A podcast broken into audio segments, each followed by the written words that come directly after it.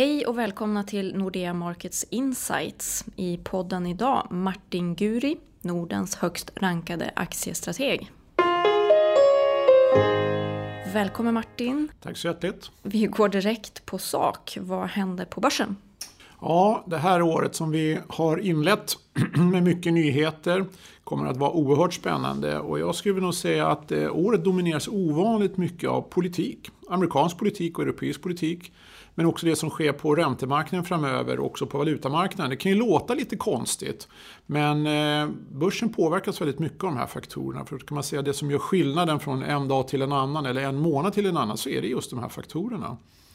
Och börjar vi i den politiska ändan då så ligger självklart allt fokus på USA och vad den gode Trump ska hitta på. Vi har ju haft den här så kallade Trump-traden ett bra tag nu och förhoppningar om vad han ska leverera enligt det han sa i valrörelsen. Och de stora frågorna det är ju då om det kommer bli infrastruktursatsningar upp till 1000 miljarder på 10 år.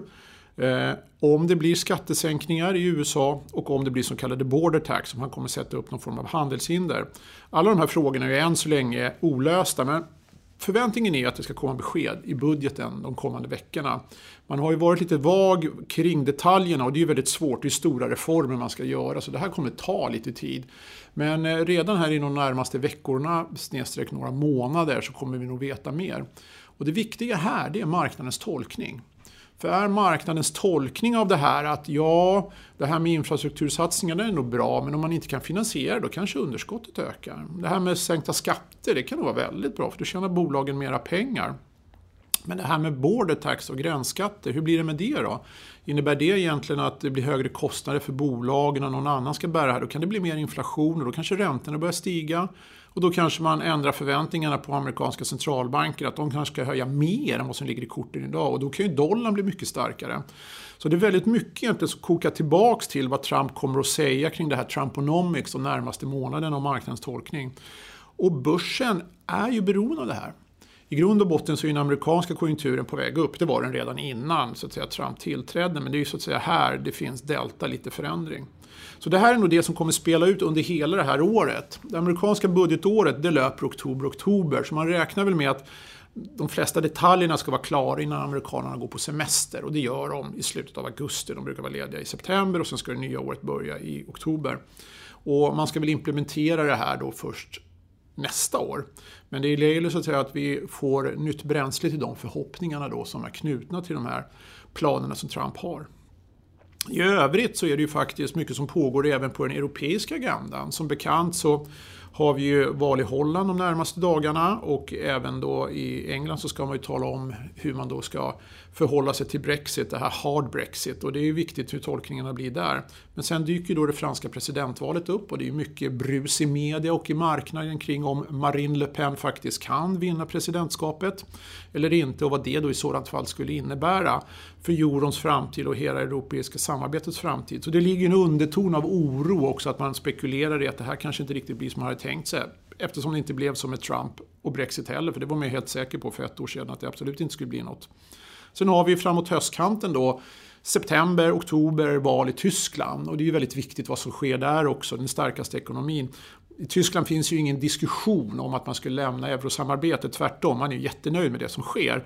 Men däremot eh, kan det ju bli byte där, för Merkel har suttit väldigt länge och när jag var i Tyskland för några veckor sedan så var det ganska tydligt att man vill inte Eh, man ville ha förändring helt enkelt. Som Martin Schulz, och Socialdemokraterna, han kanske tar det här som en liten överraskning och det skapar ju också lite brus och lite nervositet. Så det är mycket politik som kommer styra på marginalen. Men som sagt var, det handlar väldigt mycket om sentiment och momentum mer det här politiska. Eh, det fundamentala, det går ju liksom på i sin egen takt helt enkelt. Mm. Ja, det är mycket som händer i Europa med val och politiska förändringar just nu. Kan du berätta lite om den underliggande konjunkturen? Hur ser den ut? Ja, ska man se grovt förenklat så kan man säga det att eh, konjunkturen den cykliska delen av världskonjunkturen, då, det konjunkturkänsla, har varit ganska svagt under flera år. Och det började egentligen med att oljepriser rasade ihop och råvarupriserna sjönk. Och flera av de här cykliska bolagen drabbades direkt eller indirekt av eh, en nedgång. Man kan säga att det där bottnade i slutet av eller i början av förra året, 2016, egentligen när oljepriset tog sin botten. Och sedan dess har det varit stadigt på väg uppåt. Och tittar man på prognoserna idag så räknar de flesta med, både konsensus och Nordea, då, att den globala världstillväxten ska bli lite bättre 2017, alltså det här året, än förra året. Och 2018 ska det fortsätta lite till. Så momenten är på väg upp och tar sig. Och det som driver det här framförallt, grovt förenklat, det är den här cykliska delen, den konjunkturkänsliga delen av ekonomin. Det är industriproduktion som framförallt i USA men även i Europa då ska få lite bättre fart under vingarna. Och eh, även då i investeringarna ska få lite bättre fart under vingarna. Under de här dåliga åren, eller de svaga åren, så har ju bolagen dragit ner väldigt kraftigt på investeringarna. Och då händer ju ofta det, händer kanske det nu igen då som ofta händer, att eh, när efterfrågan möter då en eh, låg nivå av investeringar, då måste man liksom skynda på för att komma ikapp. Och vi tror väl att vi är i det fönstret nu, att det börjar tas med mer investeringar. Så både produktion och investeringar och lite bättre medvind de kommande två åren. Och då räknar jag inte med 2017 där, utan ska man sträcka ut det riktigt långt så är det väl nog rätt bra lutning på kurvan både 2017, 2018 och 2019 som det ser ut just nu. Mm. Vad säger du då om de eh, ledande indikatorerna? de ledande indikatorerna som till exempel inköpschefernas index, då PMI, det är ju relativt sett. Där svarar ju bara inköpscheferna på, liksom, tror att det blir bättre, lika eller sämre jämfört med förra månaden. Och ju fler som svarar att det ser lite bättre ut, då brukar det gå över 50. Och det har ingenting med den absoluta nivån som BNP uttrycker. Men om man ändå tittar på de där indikatorerna, för de brukar vara en bra vägledning för hur konjunkturen ska se ut åtminstone de kommande sex månaderna. Det är min erfarenhet. Och det globala PMI då, inköpschefsindex, det har faktiskt varit på uppgång då sen botten som träffades då precis då för ett år sedan, mer eller mindre årsskiftet 2015-2016. Och den var faktiskt uppe på bra nivåer, så bra nivåer som vi har bara touchat på för ett par år sedan. Så får man gå tillbaka till 2011 för att se på de här nivåerna. Och jag tror att det här kommer fortsätta upp. Jag tror att den globala PMI kommer fortsätta upp för att jag tror att den europeiska eh, PMI kommer fortsätta upp. Eh, den har också tagit sig väl från 51-läget för ett år sedan är uppe på 55 och det får lov att sägas vara på en relativ skala väldigt goda nivåer. Och det är Tyskland som drar det här med väl över 56 men även Frankrike på plus och många andra länder, Italien och Spanien och så vidare. Och Sverige är ju uppe på en alldeles egen nivå med över 60. Så i grund och botten så tror jag att det här kommer lyfta. Men den stora faktorn det är faktiskt amerikanska PMI och inköpschefsindex. De har ju två olika index där. Dels ett vanligt PMI, då inköpschefsindex, och sen ett gammalt index som heter ISM. Och man kan följa båda två. Och båda är på höga nivåer. Och min poäng är det att i den förväntansbilden, och både ISM och PMI då i USA, så ser man ju ingenting av Trumps kommande budget. För ingen vet ju exakt vad de ska innehålla. Så min enkla tro är det att när väl budgeten är på plats och det kommer att bli infrastruktursatsningar, det kommer att bli skattesänkningar, då kommer de här indexarna åka upp ytterligare i USA och det kommer lyfta globala index lite till. Så det ser rätt gott ut. Så om vi utgår då ifrån att USA är på bra nivå, kommer fortsätta upp, Europa är på hygglig nivå, kommer nog kunna fortsätta upp, så kan vi också glädja oss med att Asien också är på väg upp. Så vad som är nytt den här konjunkturuppgången i förhållande till väldigt många andra tillfällen, det är att det är synkroniserat.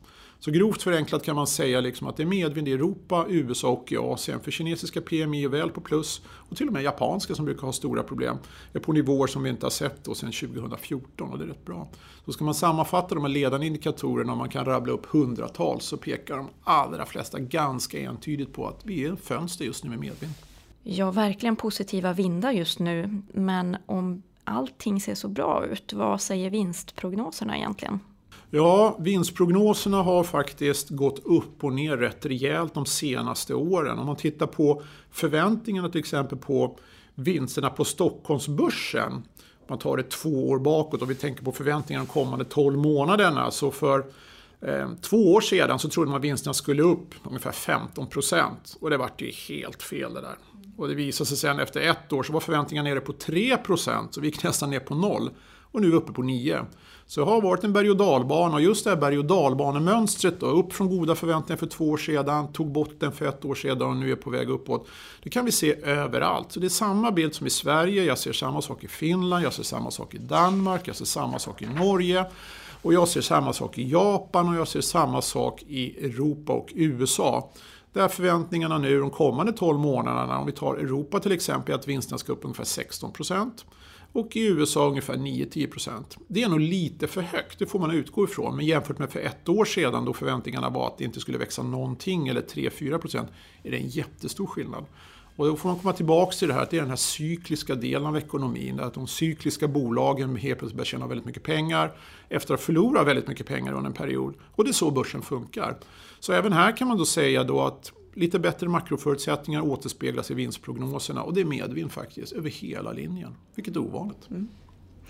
Men om vi ska vända på myntet då, vilka problem och utmaningar ser du? Det är två tydliga utmaningar som vi har. Det ena om man tittar på ekonomiskt fundamenta, då vi står just nu då och tittar närmare på börsen, så är börsen dyr. Börsen är dyr och problemet med det, det är det att när man är i en miljö som vi är just nu med något kanske stigande räntor så påverkar det värderingen. Eh, värdering är ju lite grann väldigt mycket matematik självklart, men man ska grovt förenklat och jämföra med någonting så kan man jämföra med fastighetspriserna. Går räntorna ner så går ju fastighetspriserna upp, men det betyder ju inte att boendekostnaderna på totalen behöver bli högre än för några år sedan, för det här tar ju ut varandra. Och det är lite grann så på börsen också. Ja, värderingen är hög för att räntorna är låga och helheten kan ändå vara rätt okej. Okay. Men om vi nu utgår ifrån att vi kanske har stigande räntor de kommande åren så är det ju självklart så att det här är ett bekymmer. Och det är det när man tittar framåt här som vi är lite oroade över hur det ska slå. Den amerikanska centralbanken väntas ju höja nu inom någon vecka, precis enligt marknadsförväntningar. Och det kommer nog fortsätta under året och kanske 2018-2019 så kommer då Europeiska centralbanken och Svenska riksbanken att höja och då kommer värderingsfrågan in i ett annat fönster och det där är på riktigt ett bekymmer. Så det kan ju faktiskt vara så att vi har lägre värdering på börsen om ett par år. Sen får vi faktiskt hoppas då att den goda vinsttillväxten kompenserar detta. För eh, växer vinsterna snabbare så är ändå börsen upp och det är det jag hoppas på. Så det är den fundamentala sidan. Tittar vi sen på det här som har med sentiment och momentum att göra så är det politiska agendan, självklart. Allting som har med Trump att göra. Blir det nu så att det, han misslyckas och den här budgeten blir någon sån här äh, mellanmjölk och det blir dåligt med skattesänkningar, det blir inte så mycket investeringar och det kommer inte leda till egentligen att den industriella delen av USAs ekonomi kommer liksom få ny kraft. Ja, då blir det rätt tufft alltså. För det är väldigt mycket förhoppningar knutet till hans agenda här framöver och Republikanerna ska säga. Så det kokar ju tillbaka då till budgeten och vad som kommer för signaler. Men det är klart och tydligt en risk. Och likadant det här som, vi har prat, som jag har nämnt lite grann kring border tax, alltså man inför någon form av man kan säga moms vid gränsen, för amerikanerna jobbar inte med moms. Men om de skulle införa det, eller någon form av tullar eller tariffer, så skulle det kunna störa världshandeln. Och även om det inte på riktigt, riktigt skulle innebära någon större förändring på, eh, i det korta perspektivet så kan stämningsläget bli riktigt dåligt. Så det är sentiment, politik, det hör väldigt noga ihop. Och ska man ta någonting då kring värdering så är det de uppåtgående räntorna trendmässigt som är ett stort bekymmer och en utmaning. Så det balanserar ut. Om du skulle knyta ihop säcken då, eh, vad kan vi förvänta oss den kommande låt säga, månaden och resten av året? Och ska vi ta de närmaste månaderna då så tror jag då att det är ett väldigt avvaktande läge. För att alla väntar nu på vad Trump ska säga. Alla väntar väl på att eh, de europeiska valen, framförallt det franska valet, eller valen då, det är ju två till presidentskapet, ska spela ut. Och när vi har det borta från agendan då är vi närmare 2018. Då vet vi mer om vad Trump kommer säga, kommer kunna eh, implementera och då kanske man kan ta det här ett steg till. Då vet vi också vad eh, vad eh, den amerikanska centralbanken kommer att göra med räntorna om de finner anledning att bli lite mer hökaktiga i sina kommentarer. För att då börjar ju räntorna och valutorna röra på sig. Så jag tror det blir lite stampa, stå på stället här de närmaste månaderna. Men sträcker vi ut tidsaxeln lite grann och tittar då mot årsskiftet så brukar en enkel tumregel vara det att för börsen är det allra viktigaste på sista, sista raden, det är vart vinsterna tar vägen. Och den underliggande trenden är ändå uppåt i Europa och i USA och i Sverige och i Asien. Jag har väldigt svårt att se att den fundamentala bilden skulle förändras så mycket. Så jag tror att börsen ändå kommer få gott stöd av fortsatt stigande vinstprognoser och man kanske blir lite mer modig här också längre fram året går. Man känner att man står på säkrare mark. Eh, så jag tror nog att det kommer så att säga vinna över den här osäkerheten. Så mitt grundtips är alltjämt att vi kommer få ett bra börsår. Riktigt bra börsår faktiskt. Men det kommer nog mer mot slutet och att amerikanerna levererar, eller framförallt Trump levererar och republikanerna på de löften de har ställt ut. Och då kan det hända grejer som inte ligger i prognosbilden idag och då börjar vi helt plötsligt prata 2019. Det känns långt borta idag men det kommer nog vara så. Så ett bra börs sett över helåret, närmaste tiden. Min bästa gissning är att det står och konsoliderar, står och stampar. Vi måste hitta en ny riktning, hitta nya intryck och det kan nog dröja. Mm, fortfarande positiva vindar på börsen alltså. Tack så mycket Martin för den här analysen. Tack så mycket. Vill ni ta del av fler analyser, gå gärna in på nexus.nordea.com. Tack!